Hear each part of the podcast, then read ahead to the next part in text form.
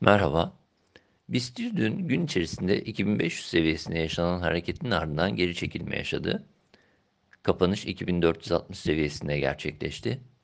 Endekste uzunca bir süredir belirttiğimiz 2500-2650 bandının alt sınırı gün içerisinde test edildi.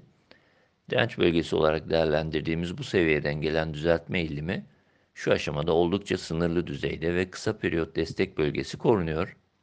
Endekste saatlik periyot için 2430-2400 bandı yakın destek, 2350 seviyesi altı ise zayıflama bölgesi olarak düşünülebilir.